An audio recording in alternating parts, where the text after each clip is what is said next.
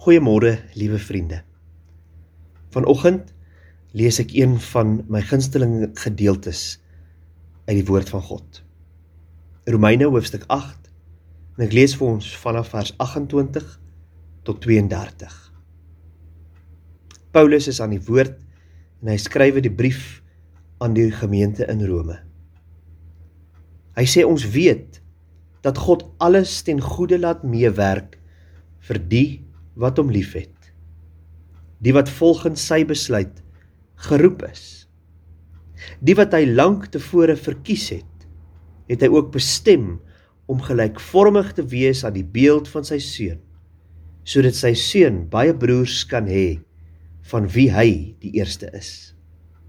Die wat hy daartoe bestem het, het hy ook geroep. En die wat hy geroep het, het hy ook vrygespreek en die wat hy vrygespreek het, het hy ook verheerlik. Wat is nou ons gevolgtrekking oor al hierdie dinge vra Paulus? En dan sê hy dit: God is vir ons. Wie kan dan teen ons wees? Hy het sy eie seun nie gespaar nie, maar hom oorgelewer om ons almal te red. Sal hy ons dan nie al die ander dinge saam met hom, saam met Jesus uit genade skenk nie? Ek lees net weer vir ons vers 28. Ons weet dat God alles ten goeie laat meewerk vir die wat hom liefhet. Ja, die wat volgens sy besluit geroep is, uitverkies is. Baie keer, broers en susters, lyk dit vir ons of dinge verkeerd loop. Dinge wil maar net nie reg uitwerk nie en dit voel vir ons of ons lewe op 'n afdrandpad is. Maar teen die einde, as ons eers deur die drif is en 'n mens terugkyk op die pad wat jy gestap het, dan sien 'n mens dikwels hoe wonderlik die Here alles gereël het. Dink maar aan Moses se redding in die mandjie op die rivier. Of Josef wat deur sy broers verkoop is, maar uiteindelik in Egipte hulle van 'n hongersnood gered het. En ja, ook die Here Jesus self wat aan 'n kruis op Golgotha kom sterf om 'n hele wêreld te red. Een van ons beste skrywers van Christelike boeke in Suid-Afrika was 'n weeskind. Sy Joodse ouers het uit die Oosblok lande gekom en destyds in Suid-Afrika kom woon.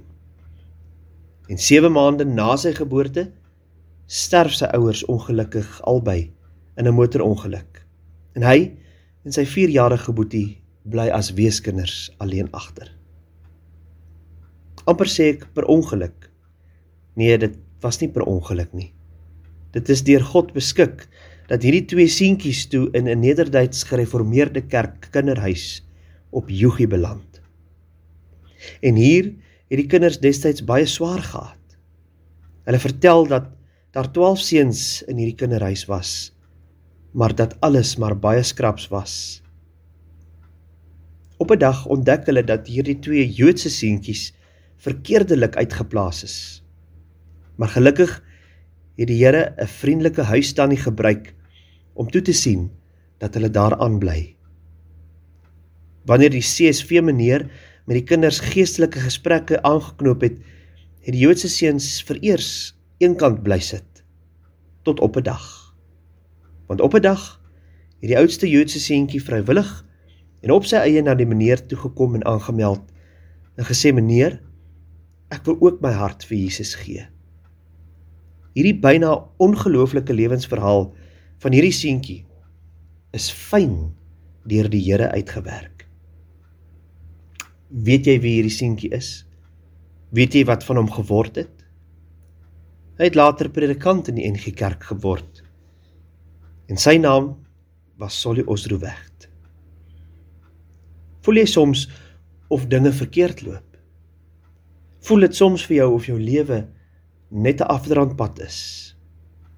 Dan moet jy altyd besef en altyd onthou dat wanneer jy die Here dien en hom liefhet, dat hy 'n spesiale plan vir jou het en dat hy soos Paulus in Romeine 8 vers 28 sê alles ten goeie laat meewerk vir die wat hom dien, vir die wat hom liefhet, vir die wat volgens sy besluit geroep is, wat hy lank tevore reeds uitverkies het. Kom ons bid saam. Here ons Here. Baie dankie Here dat U ons wat glo, wat U naam aanroep en U opreg bely, reeds lank van tevore geroep en uitgekies het. En dat ons lewe in U hande is. Dat ons lewe deur U bepaal word en dat U 'n spesiale plan vir elkeen van ons in gedagte het. gee dat ons in die dag wat voorlê ook sal weet dat dit wat in hierdie dag gebeur ook ten goeie sal meewerk omdat ons U liefhet en U dien en ook van harte bely en weet dat U ons lankal reeds uitget kies het. Amen.